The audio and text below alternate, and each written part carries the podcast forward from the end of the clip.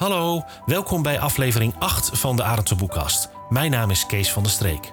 We gaan vandaag verder waar we in aflevering 7 stopten met het gesprek met Cor Pieters over de Elburger Confectiecentrale. Onderwerpen als de uitjes die het personeel jaarlijks maakte, de uitbreiding naar andere plaatsen en de wijze waarop de inventieve ondernemers zich aanpasten aan de nationale en internationale ontwikkelingen. Ook staan we stil bij het nogal bittere einde van de onderneming. Luistert u weer mee? Het leek wel of die mensen ook eindeloos bedrijfsuitjes hadden. Ze gingen vaak op uitje. Ze gingen ieder jaar een keer op een uitje. Ja. eh, minstens één keer per jaar. En, en dat was het bijzondere. Uh, Labels begrepen ook eh, prima dat eh, heel veel van die meisjes natuurlijk nooit aan het buitenland toe zouden komen. Dus ze gingen per definitie naar het buitenland. En dat was alleen al, dat weet ik van een van de oudere dames, was het aanvragen van een paspoort op het gemeentehuis. Dat was al een, een bijzonderheid. Eh, en dat je van, ja, dan, ja, ze ging naar Duitsland en dan had je een paspoort nodig. Ja, en, en, dan, eh, en dan, eh, dan was het, het, het programma was min of meer standaard. Je vindt het in, van alle uitjes bijna in de krant terug. En, maar ik heb het ook vaak vermeld, omdat ook heel veel dames, het, dat wist ik van tevoren, het heel leuk vonden om nog eens te lezen waar ze met die uitjes allemaal naartoe gegaan waren. Ja. En maar het programma was dan, ze gingen vroeg weg. Zes uur was niet abnormaal, soms zeven uur. Eerst met twee bussen, later met drie. En dan iedere bus zat een accordeonspeler. Oh ja. En dan gingen ze dus eerst naar de koffie, maar het liefst al ergens waar ook een speeltuin was. Oh ja. Nou, en dan een uurtje koffie. En dan gingen ze door naar een stad en dan mochten ze eerst een uurtje winkelen bijvoorbeeld. En dan gingen ze na een rijtour door de stad houden of iets anders in die stad. En dan als ze naar Duitsland gingen, dan zochten ze vaak een of andere rotsmassa op waar ze... Je had daar in de buurt van Ibeburen had je het Hokkende Zwijp, heet, heet, dat, heet dat bergmassiefje. Ja. Zo heel hoog is het niet. Maar dat, vonden, ja, dat vond iedereen die hier natuurlijk uit het vlak Ja. kwam heel bijzonder. Dus er zijn ook hele leuke foto's dat je slepen van die meiden daar naar boven ziet. En eh, ja, dat deden ze ieder jaar. En dan eh, op de terugweg, dan waren ze meestal s'avonds om half acht of zo waren ze in een speeltuin. En eh, dat was eh, heel vaak het eh Bernarddal. Dat was de voorganger van de Julianapark in Ja, Apeldoorn. ja. Heel veel mensen weten het niet, maar je had vroeger daar het Bernarddal een paar honderd meter verderop. Maar dat moest weg in verband met waterwinning. En toen heeft die eigenaar, die heeft daarnaast het Julianapark eh, overgenomen. Dat bestond wel al. Juliana-toren is dat. Ja, de Ju- Juliana-toren, ja. ja.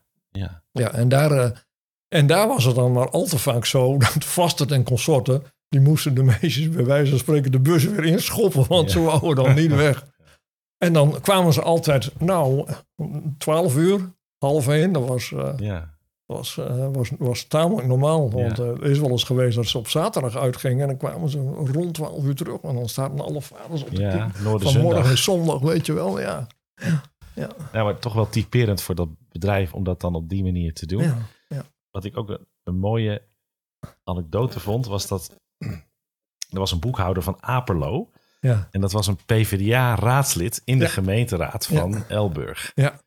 En die heeft daar een verhaal gehouden wat misschien bij Slebels en Vastert niet zo fijn binnenkwam. Ja, eh, ze hebben elkaar goed kunnen verdragen op de een manier. Want uh, Vaster en vooral Vaster was er. Slebels heb ik niet zoveel daarover. Maar Nee. eh, was, natuurlijk was uh, Slebels het daar wel mee eens. Maar Vaster heeft jaren bij de gemeente gelobbyd dat er niet meer industrie zou komen. Nee. Want Vaster zag dat er al personeelstekort was voor zijn bedrijf. Ja, ja, en ja. ieder bedrijf wat erbij kwam, die, die, die, die viste in diezelfde vijver natuurlijk. Ja, Dus Vaster die, die, die stond echt op met de hakken in de zand voor nieuwe industrievestigingen. Terwijl de P van de A van Apello, die daar dus inderdaad de hoofdboekhouder was, ja, die was een groot voorstander in de gemeenteraad van meer industrialisatie. Dan konden de lonen hoger worden en dat soort dingen. En eh, dat moet in de, in de fabriek, denk ik, soms wel eens tot heftige discussies Ja. hebben geleid. Ja, Ja. ja. Ja, dat was wel leuk. maar dat kon daar dus wel. Zo'n man werd er niet uitgewerkt of Nee, zo. nee, nee, of- nee, nee, nee, maar ik denk dat dat, dat, dat inderdaad daar wel kon, ja. ja. Dat personeelstekort, ik, ik lees in het boek dat, ehm, dat daar toch, eh, dat er alleen in de, tijdens de Koreaanse oorlog, dat er toen een ontslagronde is gevallen. Ja, 30 toen is één keer een ontslagronde geweest. Ja. Ja. Ja. 30, 30 meisjes. En eh, die zijn dus, die konden als ze wouden naar, eh, in Harderwijk werken. Ja. Bij Nettenbouw heette dat Ja. toen. Ja. Wat het precies was, weet ik ook niet helemaal. Maar, want het bestaat niet meer, want ik heb gezocht. Hm. Maar eh, eh, daar zijn ook een heel aantal naartoe gegaan. Maar misschien zijn er ook anderen geweest die dat niet gedaan hebben. Dat weet ik. Maar dat was eigenlijk de enige periode dat ze, dat ze personeel over hadden. In de andere is het tekort geweest. En zelfs zo dat ze op een gegeven moment ook eh, andere locaties moesten openen. Ja. Behalve het verkoopkantoor in Amsterdam. Maar ze zijn ook naar andere plaatsen gegaan. Ja, ja er was voor eh Vastert eh, en, en eh, Sleebel samen, het was een gruwel. Vastert die schrijft dat later ook in een heel groot verslag.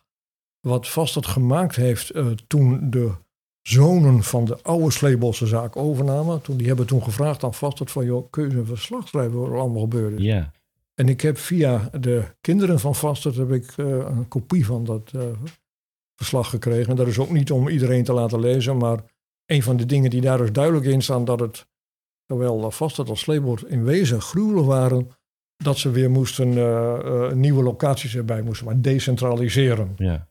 En toen zijn ze begonnen met Epe. In Ja. Epe kwam het Waaghuis. Dat was een, van origine een hotel vlak bij het station. Want toen had je nog het spoor in Epe. En eh, dat kwam te koop. En dat heeft uh, gekocht. Mhm. En daar heeft hij dus eh, ook atelier in gehad. En daar is hij eh, eh, begonnen met drie naaibanden. waarvan ook de foto's wel allemaal in het boek staan. En daar heeft hij, nou zo ongeveer zeg maar een kleine twintig jaar hebben ze daar geproduceerd. En, en welke, welke periode is dat begonnen? Wanneer was dat? Rond 65. Ja, ja, ja, En 60. ze zijn rond 85. Even zo over de duim zijn ze daar gestopt. Ja. Ehm, en die, eh, eh, dat, dat atelier werd tamelijk zelfstandig geleid door een mevrouw van Maurik. Mhm. Eh, die woonde ook vlak bij de, het wagenhuis. Die had daar een bungalowtje achter het wagenhuis. Maar Slebels zal ongetwijfeld daar natuurlijk ook regelmatig naar gekeken hebben. Want hij, Slebels woonde daar ook niet zo ver vanaf. Nee. Want die, zat natuurlijk, die woonde in Epe. En, en nog later zijn ze, een paar jaar later, 67 geloof ik, zijn ze ook een vestiging in Zwolle begonnen. In de Assendorpenstraat. Hm. En daar eh, stonden 25 machines. Oh, dat is wel... Is dat, dat is groot dus? Niet? Of... Nee, want in eh eh, eh, Epe stonden 40 machines. Oh, ja. En dat in Zwolle was ook tamelijk bekrompen, allemaal klein. We hadden feitelijk alleen maar een zaaltje met twee toiletten eraan vast. Maar het zat met een binnendeur verbonden met een café. Oh. Want aan de straat was een café. Want ze zaten feitelijk achter een café in een ja, schuurtjesachtige eh, toestand. En eh, eh, dus ik vermoed dat ze dus voor de koffie en de thee terugvielen op dat café wat daar gevestigd was. Ja, ja, ja. Ja. Dus Elburg, Epe, Zwolle, Zwolle, Amsterdam. En Amsterdam als, Ja. als verkoopkantoor. En dat Ja. was wel zeg maar de, de top van de confectiecentrale, kan ik me ja, en voorstellen. want, want toen om de tijd dat die decentralisatie hier plaatsvond, toen kreeg je dus in Amsterdam de verhuizing van de eh, Keizersgracht naar het nieuw gebouwde confectiecentrum. Mhm. Want die, eh, zo vanaf rond 65, toen ging eh, de gemeente Amsterdam ook allerlei beperkingen stellen aan parkeren, maar ook aan vrachtwagens op de grachten. Ja. En op die Keizersgracht zaten al die confectionairs.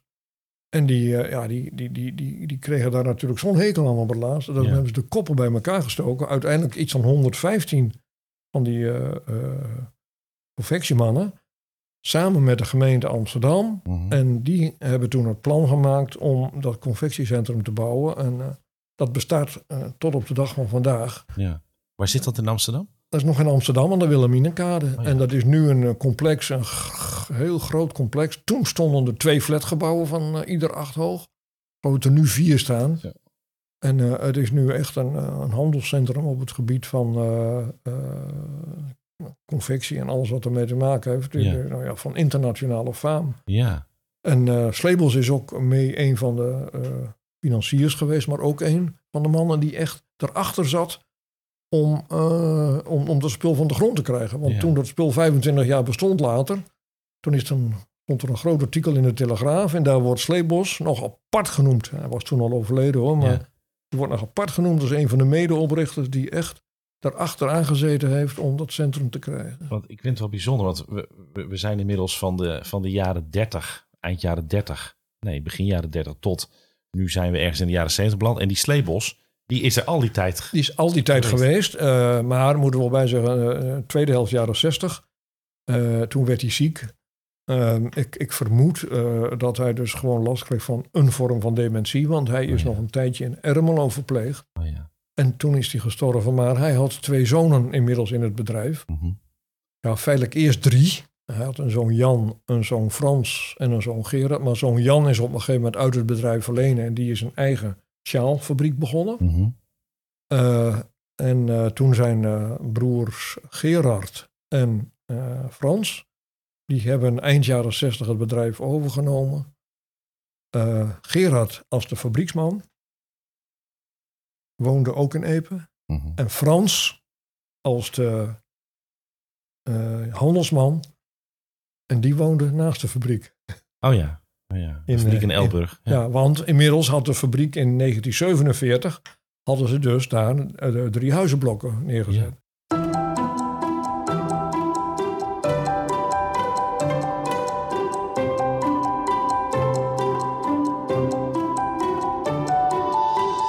Vastert, hoe lang is die bij het bedrijf betrokken geweest? Ook heel lang volgens mij. Vastert is er eh, feitelijk vanaf het begin bijna geweest.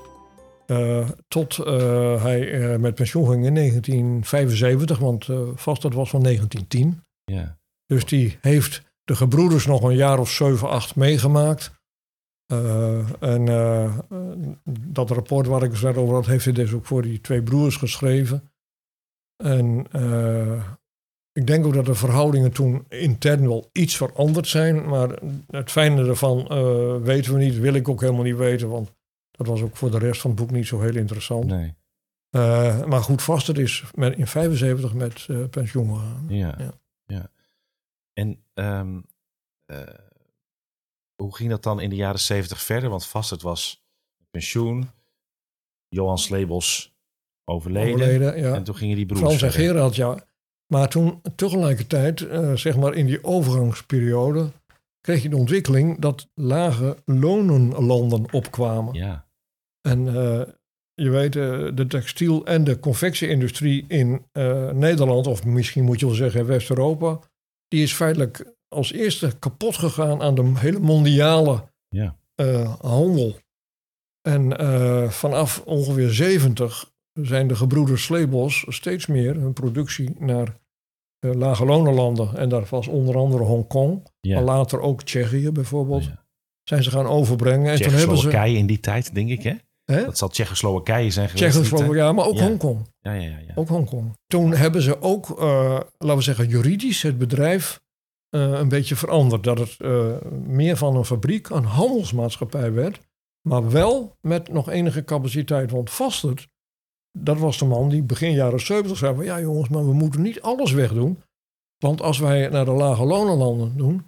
dan gaan die lonen daar in de kortste keren ook omhoog. En dan zou het Ja. best wel eens kunnen zijn... Ja. dat we het werk weer terug moeten nemen. Ja, Zo, zo, zo keek Vastert daarnaar. ja. En eh, eh, dus ze hebben altijd in eh, Elburg productiecapaciteit gehouden. En die bleek uiteindelijk ook goed van pas te komen. Want heel veel van het spul wat uit die lage lonenlanden kwam, dat werd dus door kwaliteitscontroleuses nagekeken. En er markeerde vaak genoeg iets aan dat een naadje los was, knoop niet goed. Nou, noem al die Ja. dingen maar op. Eh, En eh, er, er is een mevrouw hier, die woont niet zo ver bij mij uit de buurt. Die heeft er tot op de laatste dag gewerkt. En die zei, we hadden er nog best wel werk aan. ja. En, maar eh, die- maar die ze hebben dus één... werd dus wel compacter, begrijp ik. Dat werd meer kwaliteitscontrole en niet de productie zelf. Nee, ze, eh, ze deden eh, eh, het strijkwerk nog. Of ik moet zeggen, eerst de controle Ja. en dan het strijkwerk. En, en dan natuurlijk de verkoop. Dus Ja. in het magazijn hangen enzovoort. Maar als je ook de laatste foto van al het personeel van de confectiecentrale ziet. eh, die ook in het boek staat. Daar staan er ook eh, 38 mensen op. Dus dat was alles nog. Ja. En ik weet dat die 38 niet eens allemaal fulltime werkten. Want Nee. een aantal daarvan heb ik nog heel goed gekend. Ja. Welk jaar is dat dan geweest, die foto? Die foto die was van 1988. Ja, ja. Toen had je een mevrouw eh, van Spijkeren daar, Henne van Spijkeren, zo heette ze. Die had daar toen 40 jaar gewerkt. En eh, dat was gelijk haar afscheid. En toen kreeg ze ook een koninklijke onderscheiding. En bij mijn weten is dat ook de enigste mevrouw of meneer geweest die dus in de confectiecentrale koninklijk onderscheiden is. Want die locatie in Epe en Zwolle waren toen al lang weer verdwenen. Die, in eh, die ja, tijd. die op een gegeven moment toen dus dat werk eh, naar de lage lonenlanden ging. Toen is Epe en ook Zwolle, die zijn in de kortste keren verdwenen. Zwolle is gewoon als een nachtkas uitgegaan. Eh, want eh, Slepels heeft ook nooit tegen de gemeente Zwolle gezegd, ik stop ermee. Op een gegeven moment kwamen de mannen van uh, de hinderwetvergunning erachter van... hé, hey, er is een hinderwet voor dit pand. En die zijn een keer gaan controleren. Toen bleek dat er niks meer was. dus toen hebben ze de hinderwetvergunning ook ingetrokken. Ja, ja, ja. Zo ging dat. En, uh, en Epe is gewoon helemaal formeel gesloten. En toen heeft men het waaghuis ook gewoon verkocht. En toen zijn niet zo lang daarna zijn uh, eerst de ene broer en later de andere broer Slebels zijn allebei geëmigreerd. De ene naar Nieuw-Zeeland en de andere naar Australië. De ene is schapenboer geworden, de andere weet ik niet precies. Nee. Maar dat, en, dat, en was dat al na 19... Want wanneer is, is, is die confectiecentrale, hoe is dat aan zijn einde gekomen? Uh, de confectiecentrale is uh, in uh, begin 19, nou, ongeveer de, de 1991, 92 verkocht. Aan de Dedemvaartse Rokkenfabriek, de Derova. En uh, die stelde een nieuwe directeur aan en een goede maand later waren ze failliet. Dus he, die mannen daar hebben waarschijnlijk de fabriek alleen maar gekocht om hem failliet te laten gaan. Ja. Want dan hadden ze wel uh, waarschijnlijk hun uh, importvergunning en al dat soort dingen Oh. die natuurlijk destijds nodig waren. Want het was allemaal zaken doen met uh, landen buiten de Europese gemeenschap. En waarschijnlijk hebben ze daarvoor alleen maar de fabriek gekocht. En toen is de fabriek dus gewoon failliet gegaan. En ook op een manier dat de oud-werknemers... Er is er één bij, hij woont vlakbij hier. Die zit nog tot zoveel vol met chagrijn over hoe het allemaal gegaan is. Ja. En dat was ook een van de redenen dat er verder kwam die fabriek zo weinig over is. Die mannen waren met elkaar zo boos. Die hebben een grote container gepakt. En alles wat er aan archieven was, en dat was een kamertje vol, want ze hadden een aparte archiefruimte. Dat hebben ze allemaal gewoon in de kliko gedumpt. Ja. En dat is waarschijnlijk naar Van Werf of weet ik veel, Ja. maar is gewoon afgevoerd. En wat is later van dat, fabrieks, van, eh, dat fabriekspand geworden? Dat, Eh, niet zo lang daarna heeft Hooghordel, Alex Hooghordel, Mhm. samen met een meneer Bos hebben dat gekocht, ieder voor de helft. Alex Hooghordel die is daar een eh tweewieler winkel in begonnen. En die meneer Bos die gebruikte het als autoopslag. Mhm. Een tijdje later heeft Hooghordel het hele pand gekocht, verbouwd. En die had toen op een gegeven moment een grandioos mooie grote showroom voor Ja. fietsen, brommers, scooters, noem maar op. En Hooghordel heeft er ook een nieuw huis naast gezet. Maar ja, in 2007, 2008, eh, toen kreeg men, en dan moet je denken aan de betere woning, of ja, dat heette toen nog de betere woning. Ja, de, Die kregen belangstelling omdat de artsen zo graag anders wouden. Want Hutte zat natuurlijk hier in de stad, ja, waar hij geen kant op kon. nee. Eh, en die anderen zaten daarnaast de apotheek daar in, eh, hoe heet het daar, achter aan de Klokbekerweg, Ja. in het winkel, bij het winkelcentrum. Ja. Eh, en die konden ook geen kant op. Dat kon niet meer omhoog, want daar was het fundament niet geschikt voor. In de breedte konden ze ook niet weg. Toen hebben die artsen met elkaar een uh, stichtingje gevormd om nieuwe huisvesting te vinden. En hebben ze allerlei locaties bekeken. En uiteindelijk kwamen ze op die locatie uit. En dat werd mee uh, bespoedigd doordat we toen inmiddels een nieuw onderwijssysteem hadden. En de huisartsschool als schooltype niet meer bestond. Het Oosterlicht zou gebouwd worden. Dus die huisartsschool die komt toen ook tegen de vlakte. En dat is toen in 2008 allemaal gebeurd. Dus hebben ze en de confectiecentrale en de huisartsschool allemaal... Uh, en de, het gymnastieklokaal wat naast de huisartsschool stond. Dus die hele hoek, zeg maar tussen uh, de Vak- en de Nijenbeekstraat is dat geloof ik... die kwam dus helemaal vrij. En daar is toen het medisch centrum met dus die woonlagen en Baron van Linden opgezet. Ja, ja. En zo eindigde die, uh, die historie dan toch definitief van dat, uh, van dat prachtige... Ja, ja, alleen de huizen, die zijn er nog steeds en die bestaan nog. En die, die huizen zijn in de loop van de jaren 80 geloof ik al, ook voor, toen de broeders, gebroeders geëmigreerd waren, zijn die al aan particulieren verkocht. Maar de familie Vaster bijvoorbeeld is er blijven wonen tot meneer Vaster is overleden en mevrouw Vaster later naar het verpleeghuis de Voort is gegaan. Oh. Dus die, die hebben er echt een tijd helemaal uitgezeten, om het even wat oneerbiedig te zeggen. Het zijn die huizen die precies achter het huidige gezondheidscentrum staan, volgens mij. Ja, of niet? gewoon aan de linkerkant. Dus ja, ja. Huizen stonden pal naast de fabriek.